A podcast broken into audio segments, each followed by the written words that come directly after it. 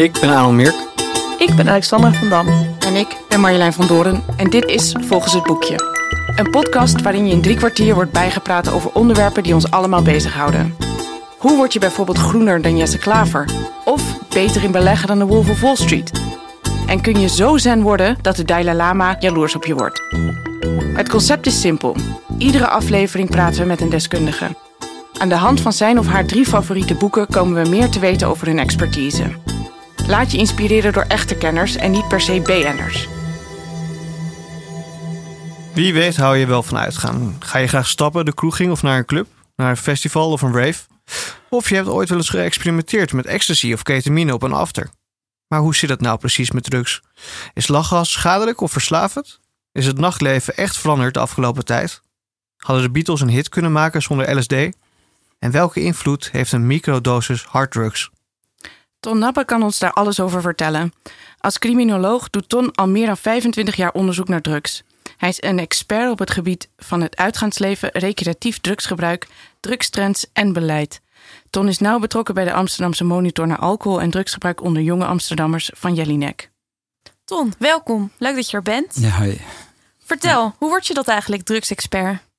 nou ja, ik ben eigenlijk een beetje, een beetje ingerold eigenlijk. De, de, de, het is al een hele tijd geleden. Een van mijn eerste onderzoeken was na mijn studie eh, sociale wetenschappen. Toen ik uh, het eerste onderzoek deed naar uh, ecstasy, in, het ecstasy in, in, Nederland. Dat was begin jaren negentig. Bijna niemand wist nog over het middel. En het kwam echt in sneltreinvaart. ja, werd dat middel populair. En sindsdien ben ik het eigenlijk allemaal gaan volgen. Natuurlijk af en toe met uitstapjes met, naar andere onderzoeken. Maar een van de, van, van, van, van de rode uh, draad erin is dat vooral dat nachtleven heel boeiend vond. En, en de trends en middelen gebruiken door de tijd heen. En dan vooral in Amsterdam. Ja. Dus nachtleven vond je heel boeiend. Maar is het ook leuk om onderzoek te doen daarnaar? Uh, ja. Um, laat ik eerst zeggen, ik ging zelf vroeger veel uit. Uh, al in de jaren tachtig. Um, stelde niet zoveel voor. Je had, vooral veel in kraakcafés en uh, Paradiso ging je wel eens heen. En Melkweg had je wel wat. Maar uh, je had af en toe een festival. Maar vergeleken met nu stond dat allemaal nog in de kinderschoenen. En dat is echt gewoon veranderd. Vanaf die, die, die eind jaren tachtig. toen, toen, ja, toen de ecstasy begon en de, en de hele elektronische dance, daarom, of de elektronische muziek daaromheen. En toen begon het echt uh, groot te worden met de Roxy en de IT, waar ik toen ook naartoe ging. Je had de, de, de, de underground, de raves. Uh, onder andere het gebouw waar we nu zitten, waren echt vuige underground feesten. En ja, ik heb het echt gewoon groter zien worden en breder en massaler. En um, ja, ik heb, ik heb het altijd een beetje een mix gehad tussen uitgaan en, en, en, en zelf onderzoek doen. Uitgaan nu wat minder. Um, ik ben niet elk weekend meer in een club. Ik heb ook andere dingen te doen, maar ik vind sowieso nog steeds zo fascinerend hoe jongere culturen en, uh, en dus het uitgesleven en het middelengebruik zo met elkaar verweven zijn. Uh, zeker de laatste 30 jaar na de komst van ecstasy. Cool. Top. Ja. Dan gaan we naar het eerste boek. Um, en dat is Waiting for the Man uit 1989. Het is een uitgebreid boek over het gebruik van drugs onder muzikanten. Van marijuana en opium aan het begin van de 20e eeuw tot amfetamine van Elvis Presley. Van Billie Holiday tot de Rolling Stones en de Beatles. En natuurlijk de tragische dood van Jimi Hendrix en Janis Joplin. Het laat goed zien dat drugs niet alleen wordt ingezet om het succes te vieren, maar vooral ook als een vergeter, een middel om te ontkomen aan de grote druk, de aandacht van fans en het reizende leven. Waarom denk je dat drugs en muziek zo met elkaar te maken hebben? Het, ja, dat, dat, dat vond ik wel interessant van dat boek. Is dat dat heel erg. Het, het is op een gegeven moment synchroon gaan lopen uh, in verschillende culturen. Um, kijk, voor een deel is. is uh, nou, een van de eerste verhalen die hierin staan is natuurlijk de jazz, omdat dat nog voor de rock and roll was. En de jazzmuzikanten die voor een deel ook uit het arme zuiden kwamen en, uh, en, en, en, en naar het noorden gingen, naar New York en uh, naar Chicago om daar uh, een nieuw leven te beginnen. Voor een deel waren het ook, ook, ook ja, muzikanten die, die daar employ begonnen, te vinden.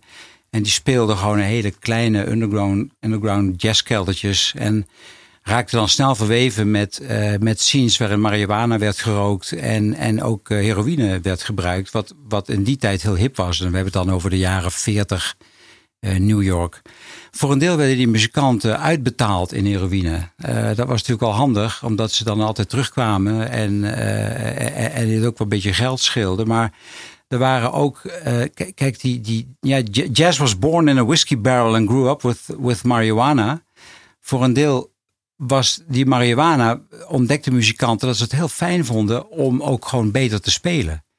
Dus men ontdekte dus ook dat, uh, dat het roken van, uh, van marihuana ook, ook juist voor de, voor de inleving in de muziek en de, en de tonen die je uit je, uit, je, uh, uit je instrument krijgt, dat daar wel een zekere zin een soort, ja, ja, een beetje, ja, veel meer gevoeligheid was van, van muziek maken. En dat werd, toen werd dat al onderkend door, door verschillende muzikanten. Uh, nou, voor een deel loopt dat natuurlijk tragisch af, omdat de heroïne erbij kwam. Dat was natuurlijk in, in, in het begin natuurlijk geweldig hoe, hoe men daar, uh, daar ook goed op kon spelen. Maar naarmate je meer gebruikt en de verslaving toesloeg, werd de muziek ook minder.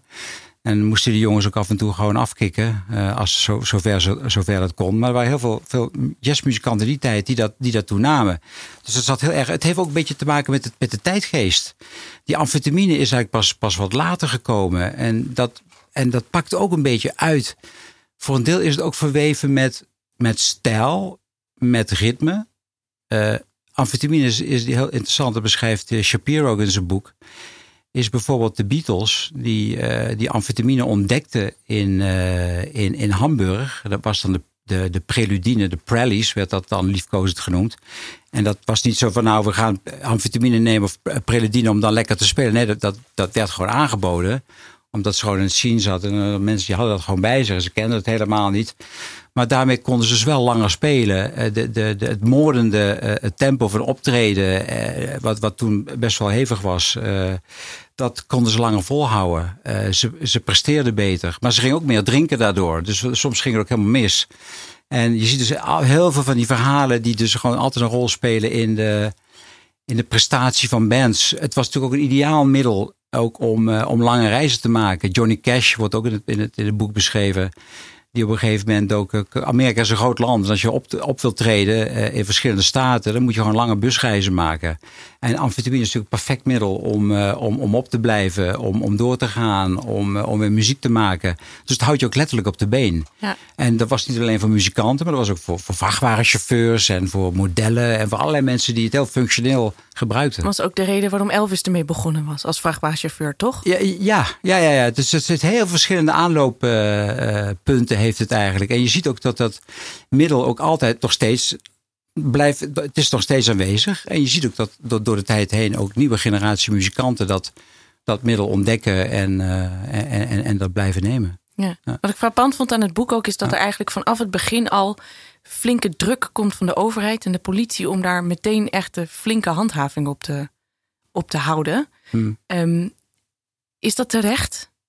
Vind ja, ja, goed, het zijn natuurlijk verboden middelen. Ja, maar... Uh, amfetamine is verboden en dat geldt natuurlijk ook net zo goed voor muzikanten. Alhoewel die er voor een deel ook mee wegkomen, omdat ze altijd off the record en altijd in, in, in studio's en, en, en, en, en, en, en, op achterfeestjes en hotelkamers gewoon drugs gebruiken.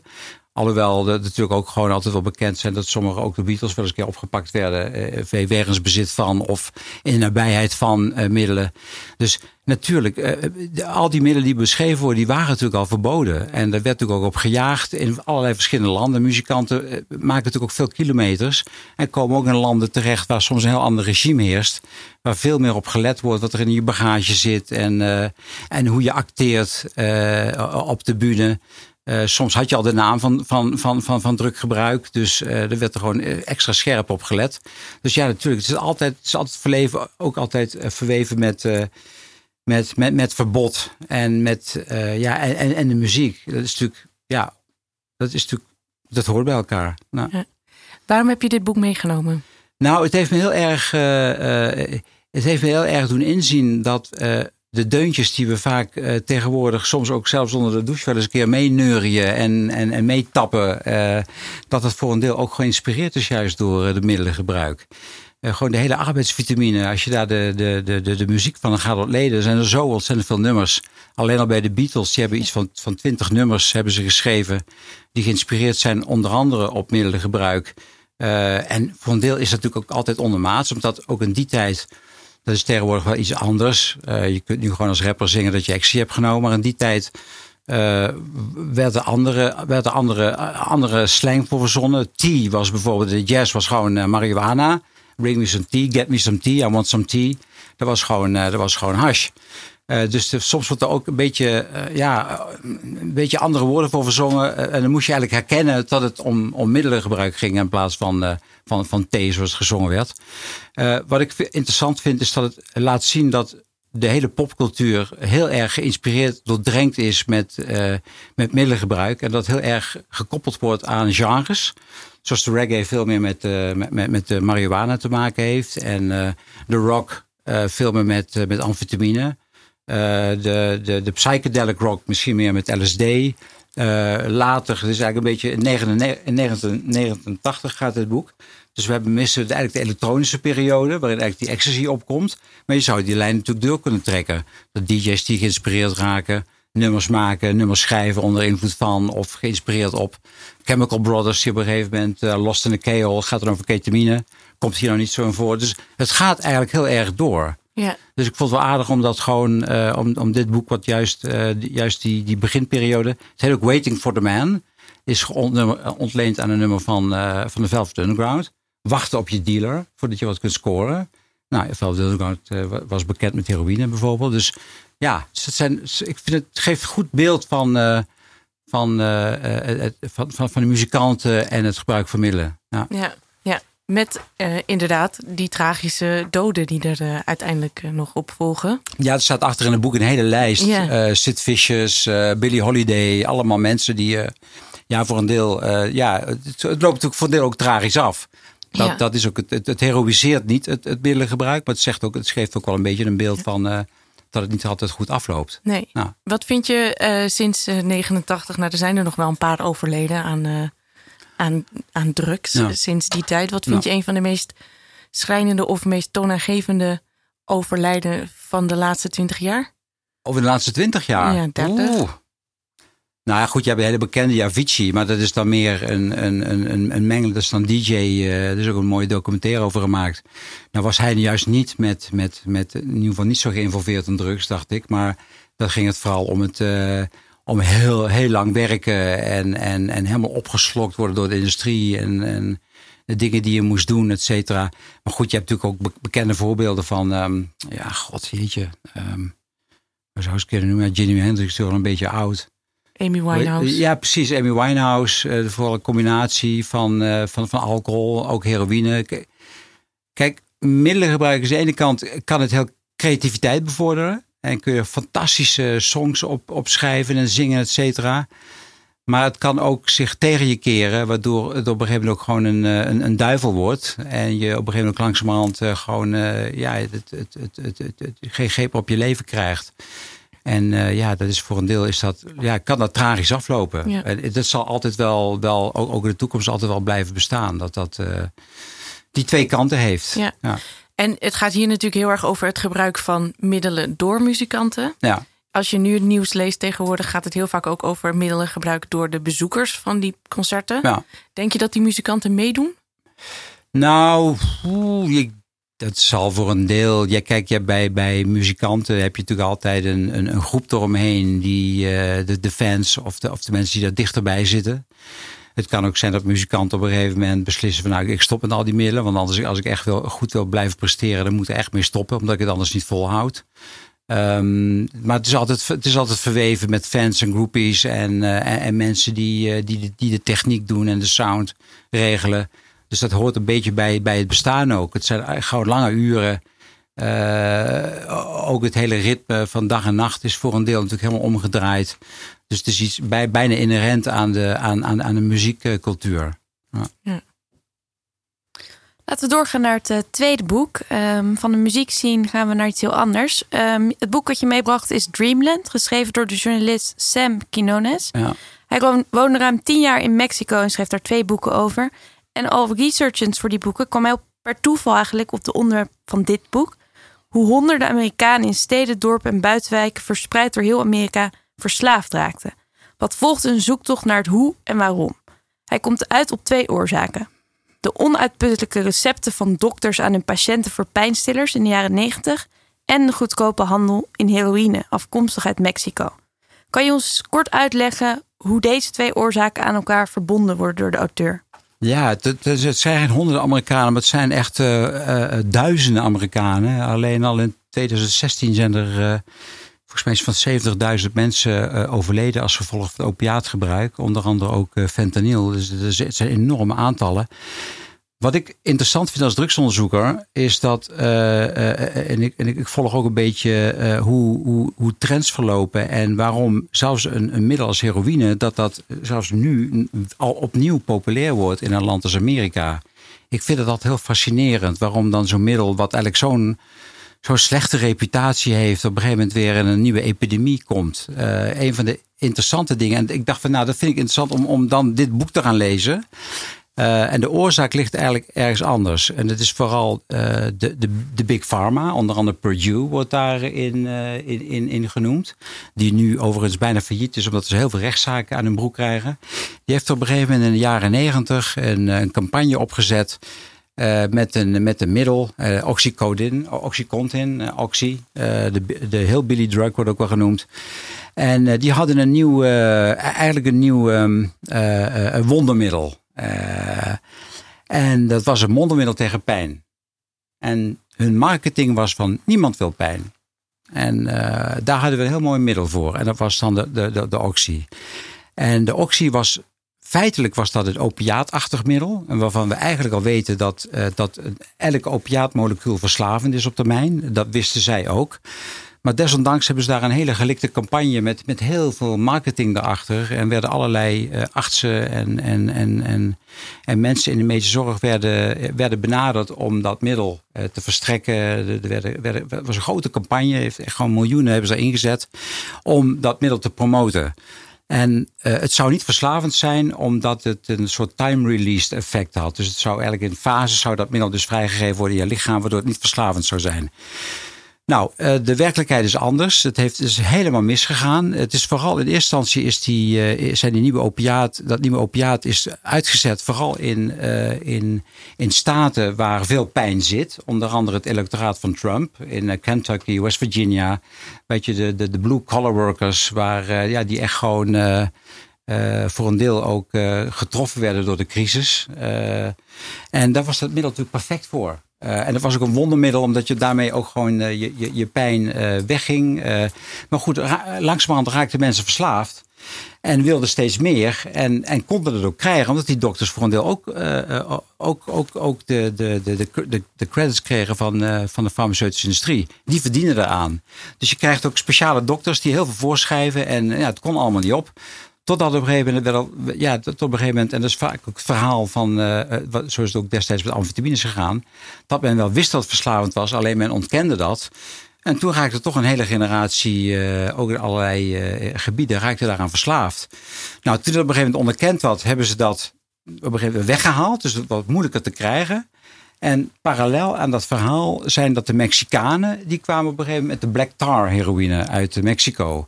En hun doel was, we gaan uh, heroïne verkopen, onze heroïne, die veel zuiverder is dan de heroïne die al verkocht werd in Amerika. En op, in plekken waar nog geen concurrentie was. Dus zo is het op een gegeven moment heel langzamerhand is het naar elkaar toegegroeid. Op een gegeven moment dat de mensen geen opiaten meer of moeilijker konden krijgen, omdat dat, omdat het geband werd. Uh, kwam op een gegeven moment de heroïne kwam, uh, kwam uh, in zicht. En ja, voor een deel is dat natuurlijk moleculair gezien even hetzelfde effect. Alleen het ene is op de zwarte markt. En het tragische is dat die heroïne voor een deel versneden werd met de fentanyl. En fentanyl is dan weer zo'n nieuwe designerdrugs. Wat super potent is. En bij geringe dosering al kan leiden tot, tot de overdose. En zelfs tot de dood kan leiden. En dat is eigenlijk een beetje de tragiek. Wat, wat, wat die journalist Quinones heel mooi beschreven heeft. Is dat een typisch Amerikaans verschijnsel of zien we dit soort uh, ja, verslavingsepidemieën, zou ik het willen noemen, ook op andere plekken? Ja, je ziet wel, ook wel op andere plekken. Uh, alleen de, de, de, de invloed van de farmaceutische in, in Amerika is, is aanzienlijk. Dat is eigenlijk de hele geschiedenis van Amerika. Ook of het nou vroeger om de cocaïne ging, of de amfetamine, of om de, of om de heroïne, werd vroeger ook als geneesmiddel op de markt gebracht. Is het eigenlijk een, een, een, een, verhaal wat gewoon doorgaat. En uh, het, is alleen verbijsterend dat met zoveel kennis wat we nu hebben over verslaving en, en wat middelen kunnen doen, is dat zo'n middel toch weer uh, de kop op kan steken en zoveel slachtoffers momenteel eist. In Nederland hebben we dat momenteel ook. Uh, ook hier is, is Oxy voor een deel op de markt gebracht. Ook door, ja, door, ook gewoon de, door, ook door het pushen van de farmaceutische industrie. Uh, en het is ook een heel doeltreffend middel.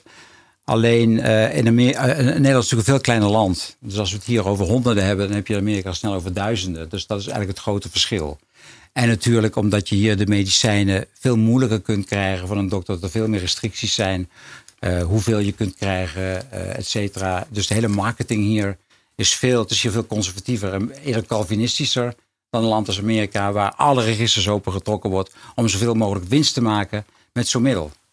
Het viel me op dat de slachtoffers ook vaak heel jong waren. Uh, want er komen best wel tragische verhalen aan bod van ouders die een kind zijn verloren. Um, ja, ik vond dat schokkend dat het echt om hele jonge mensen gaat.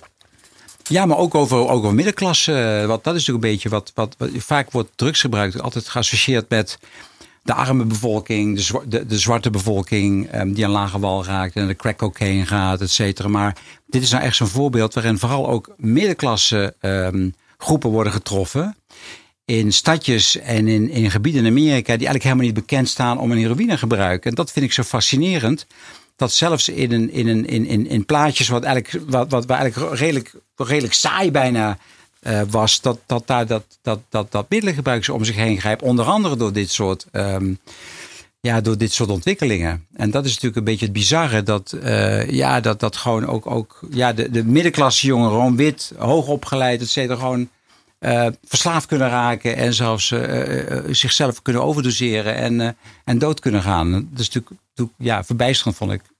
Nou, het boek is in Amerika volgens mij ontzettend goed ontvangen. Het heeft echt prachtige quotes gekregen. Entertainment Weekly noemde het in het lijst van de tien beste boeken. Ja. Uh, en uh, het werd door meerdere media, de Seattle Times, Boston Globe, noemde het zelfs het beste boek van het jaar. Hm. Um, hoe zie jij dat? Ben je net zo positief verrast door deze door dit ja, boek? Dit is natuurlijk prachtig journalistiek. Het is gewoon een journalist die veel weet over, ook over de Mexicaanse cultuur.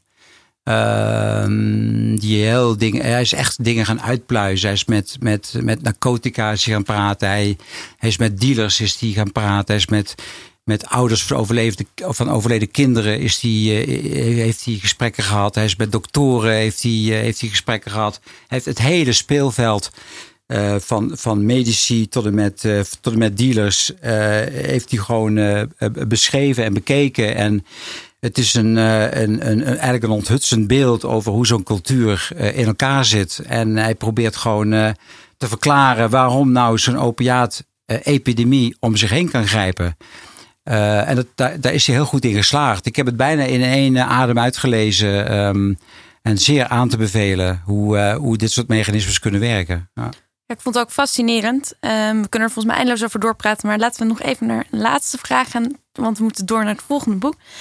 Um, in zijn nawoord deelt Sam een aantal bevindingen en ideeën met ons over de invloed van drugs op de Amerikaanse maatschappij. Hij noemt het toegenomen individualisering, het spelen van computerspelletjes in plaats van buitenspelen en de te betuttelende jonge generatie als onderliggende oorzaak van het drugsgebruik. Drugs dus uit pure verveling. Ben jij het daarmee eens? Is dat vaak een reden voor drugs? Ja, voor een deel. Het ligt natuurlijk heel erg aan wat de, wat de setting is.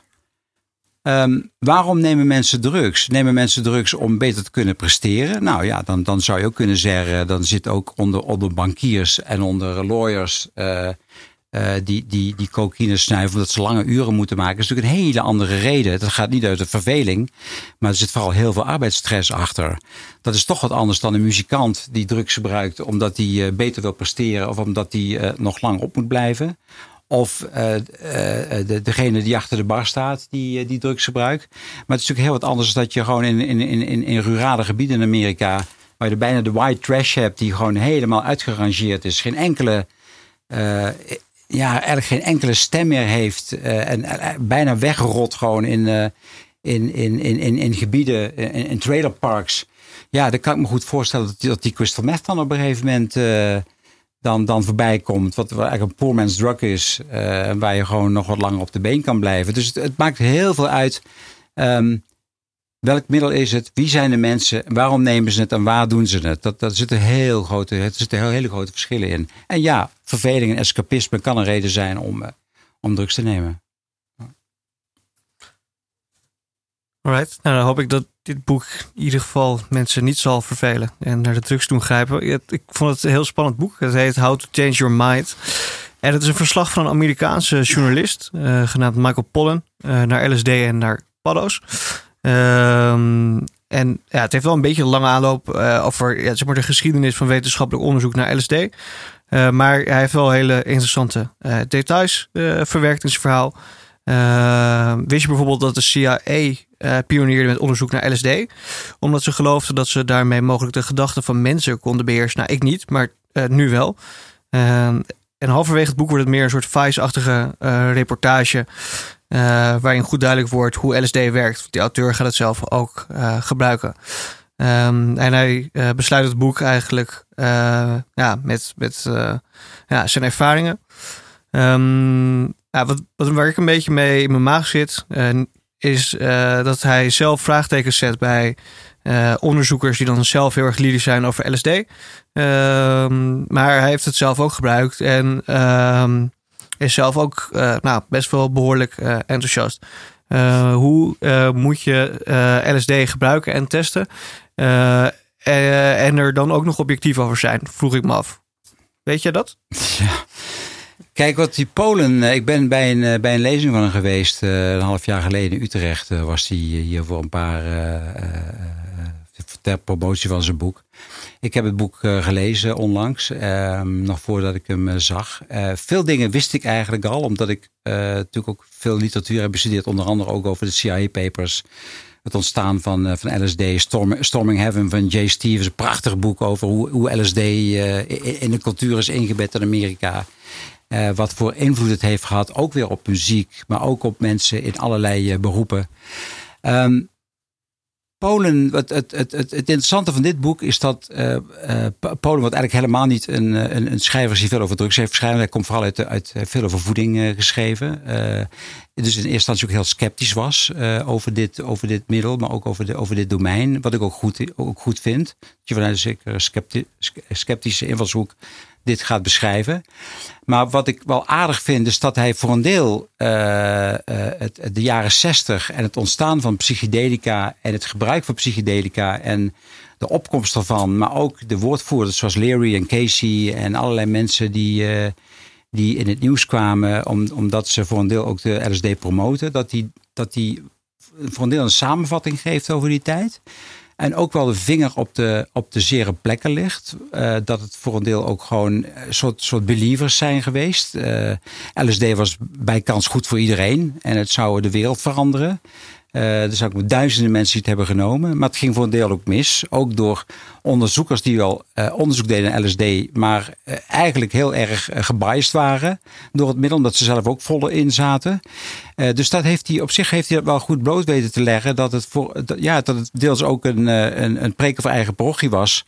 Um, en hij, hij grijpt ook, uh, in, in het boek grijpt hij ook terug op een aantal mensen uit die tijd die daar ook over kunnen vertellen. Maar tegelijkertijd ziet hij ook wel dat er een nieuwe generatie wetenschappers is opgestaan. We zijn nu 40 jaar verder. Uh, en er is ook weer sprake van een, uh, van een psychedelic renaissance, zoals hij dat uh, mooi beschrijft. Waarin ook een nieuwe generatie opnieuw naar, naar LSD kijkt, maar ook naar psilocybine en ook naar ketamine. en ook naar ibogaine en, en ayahuasca. Dus al die middelen die, die voor een deel ook, ook, ook bekend zijn. En daarop ook met nieuwe technieken en nieuwe methodes opnieuw weer het verschil proberen te maken. Het interessante is denk ik dat uh, deze middelen werden eigenlijk in de jaren 60 al verboden. Dus werden al vrij vroeg onderdrukt. En eigenlijk, het heeft zich nooit goed kunnen kunnen uitontwikkelen. Voor een deel zat natuurlijk morele paniek bij. Mensen die uit de ramen sprongen. CIA die erachteraan zat. De meest wilde verhalen gingen, gingen de ronde. Het zou een hele generatie zou het, uh, zou, zou, het, uh, zou beïnvloeden. Wat weer slecht was voor, het, voor de moraliteit van, uh, van, van, van, van jongeren. zo is dat vaak in, in, in, politieke discussies kwam dat beeld naar voren, vooral in Amerika. Um, maar het, het, interessante is dus dat ondanks het verbod, dat er altijd een soort onderstroom is geweest. Dat zien we nu heel sterk bij de ecstasy, wat, wat voor een deel uh, ook in jaren, wat later in jaren tachtig werd verboden. Maar mensen die, daarmee bezig, die daar toen mee bezig waren, die zijn altijd doorgegaan om te kijken hoe, hoe kunnen we dit blijven volgen. Je ziet in feite nu dat, um, en hij trekt voor een deel een link met, uh, met, de, met, de, uh, met de antidepressiva. Uh, dat de hele uh, industrie daaromheen, maar ook het ontwikkelen van antidepressiva, zit een beetje aan zijn, aan, aan zijn grenzen. Er worden geen nieuwe revolutionaire antidepressiva meer ontwikkeld. Voor een deel helpt het mensen ook niet. Mensen die echt therapieresistent zijn, worden er ook niet echt beter van. En men ziet nu voor een deel wel, hé, hey, grijpen toch weer eens een keer terug naar die LSD en die psilocybine, et cetera. Ook met de nieuwe technieken, de fMRI-scans, waarin het brein onder invloed, onder andere wat hij ook, die, die Harrison Carrot, die die die uh, interviewt, die prachtig onderzoek doet in Londen. Uh, waarin die mensen uh, met, met een brein onder invloed, onder andere LSD, in zo'n in zo'n scanner legt. En dan vooral ook ziet wat er in dat brein gebeurt. Ja, dat is best wel wat, zag ik Ja, dat is fantastisch. Het, het, is goed voor, en, ja, het is goed voor, het helpt tegen verslavingen, ja. depressie. Het, het, ja. het, bijna, en het klinkt bijna weer als een wondermiddel. Ja, ja, goed, daar werkt hij natuurlijk heel erg voor dat je daar juist voor uit moet kijken, maar dat je het onderzoek wel goed moet doen. Maar het heeft heel veel, daar waar het eigenlijk in een vrij vroeg stadium afge, afgekapt werd, omdat het op de, uh, op de lijsten kwam. Dat betekent ook klas E of lijst 1 hier in Nederland, betekent ook geen medische toepassingen. Dat er langzamerhand weer een, uh, eigenlijk een nieuwe fase is ontstaan. Waarin men toch weer opnieuw naar die psychedelica gaat kijken. En dat vind ik natuurlijk het, het aardige van dit boek. Dat hij die oude wereld en die nieuwe wereld met elkaar verbindt. En nou. vind je dat een goede ontwikkeling? Dat, die, dat we teruggrijpen naar psychedelica? vanuit je persoonlijk... Als je mensen daar beter mee kan maken of mee kan genezen, vind ik dat uh, dus alleen maar winst.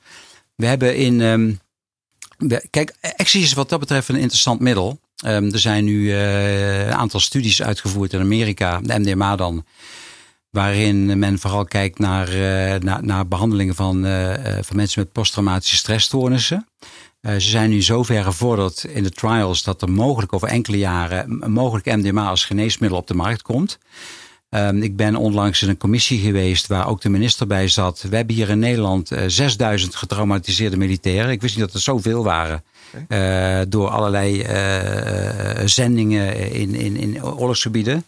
Um, het zou best kunnen dat een deel daarvan. En een deel daarvan is ook gewoon uitbehandeld. Hè. Zijn gewoon uh, zou zeggen, therapeutisch resistent geworden. Niks helpt meer. En het zou dus interessant zijn als je een deel van deze mensen die hiervoor in aanmerking kunnen komen, zou kunnen helpen met MDMA. Het is natuurlijk fantastisch als je zo'n middel kunt inzetten in de genezing uh, van, van, een, van een ziekte. En um, nou goed, ja, ik vind het alleen maar een goede ontwikkeling. Mits dat natuurlijk goed gebeurt onder goede begeleiding, et cetera, is dat alleen maar winst. Ja, ja. ik, wat ik heel uh, grappig vond om in, te, in het verhaal te zien, is dat het ook heel veel wordt gebruikt in Silicon Valley. Dus Steve Jobs, Bill Gates. ja, je moest bijna het gebruikt hebben, wil je iets gepresteerd hebben, krijg je het idee, de muis die we allemaal gebruiken, of is bedacht op onder invloed van LSD. Heel veel van dat soort dingen komen naar voren. Natuurlijk de Beatles die we eerder bespraken. Ehm, wat, wat doet LSD dat je zoveel creatiever, of dat, dat, dat dit soort heb je het zelf eens, uh, zelf eens genomen? Nee, na deze van het boek word ik steeds benieuwder. maar ik ben ook een beetje bang als ik eerlijk ben. Want ah. tegelijkertijd, wat, wat ik dan weer van mensen in mijn omgeving hoor... is dat hmm. er, er is geen deur bij LSD. Je kan er moeilijk uitkomen. Nou ja, goed, daar komen we weer op dat, op dat boek terug. Uh, um, Doors of Perception, hè, uh, waar, waar de Doors eigenlijk uh, aan ontleend is. Onder andere de LSD-ervaring. Het, het opent een deur in een deel van het brein wat, waar, je niet, uh, waar, je, waar je dacht dat je niet bij kon en wat op een gegeven moment geopend wordt. Um, de hele uh, fenomenologie van hoe je naar een roos kijkt of naar een, naar, naar, een, naar, een, naar een voorwerp. En je op een gegeven moment dingen gaat zien en anders gaat beleven dan dat je nog nooit eerder had, had gezien. Dat is natuurlijk het interessante. Uh, in detail onderzoekend en, en vorstend wat er gebeurt. Een van mijn eerste LSD-ervaringen vond ik zo indrukwekkend, omdat ik um, omdat ik op een gegeven moment veel meer begreep van, van de cultuur waar ik deel van, van was.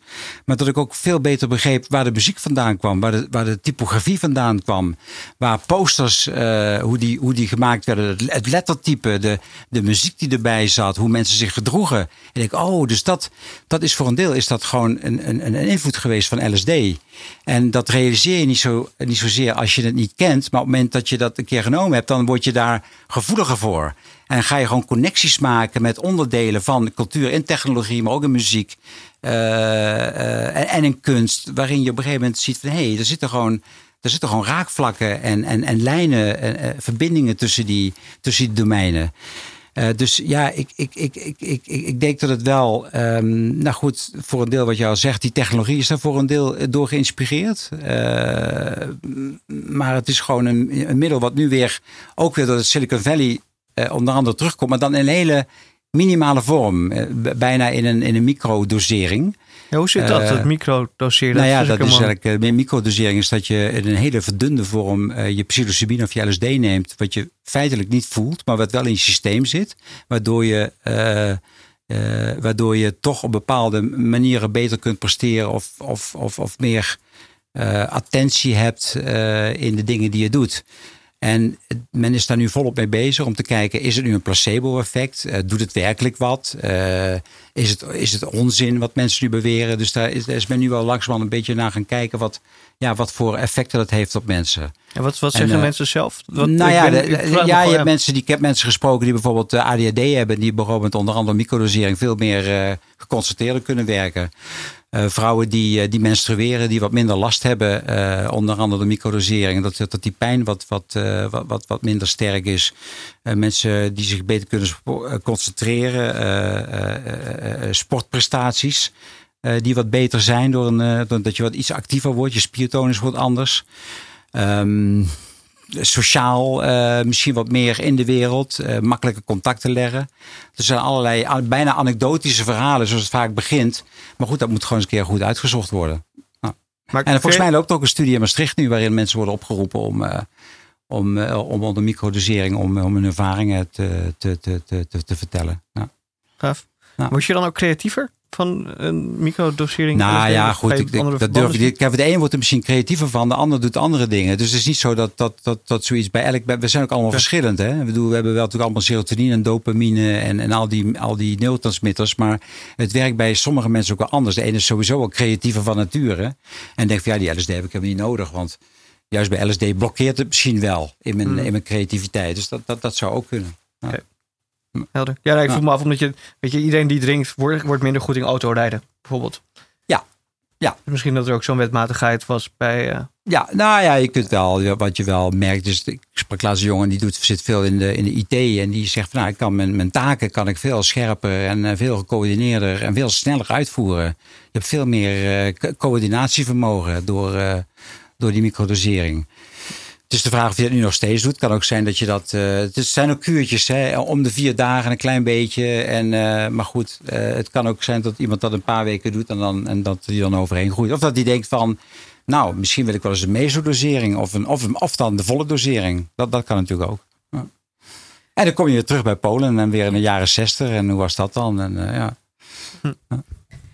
Ton, superleuk dat je er was. We sluiten altijd af met de, dezelfde vraag. Uh, wat wil je later nog worden? Wat ik later wil worden? nou ja, wat ik later wil worden. Ik ben, ik ben al bij over tien jaar al met pensioen. Dus uh, ja, ik, ik, ben, ik, ben, ik ben geen 18 meer, hè? Nee, maar dat vind nu juist het allerleukst. Dus als je nog stiekem mag dromen, wat zou je het allerliefst nog willen worden? Nou, wat ik zou leuk zou vinden is gewoon met een community uh, in, een, in een, st een, stuk land. Uh, en dat gewoon uh, bewerken en, en, en dingen opbouwen. En zorgen dat het er goed uitziet en dat iedereen gelukkig wordt. En dat je een mooi, mooi stukje jungle eigenlijk uh, kunt, kunt maken. Gewoon zelfvoorzienend. En, Leuk. Uh, ja, dat zou ik eigenlijk gewoon uh, wel fijn vinden. Heel goed. Ja. Een mooie droom. Ja. Dankjewel. Ja. Thanks. Dit was volgens het boekje. Ik hoop je hebt genoten van deze aflevering. En we je snel weer mogen vertellen over de boeken en wat we hier kunnen leren.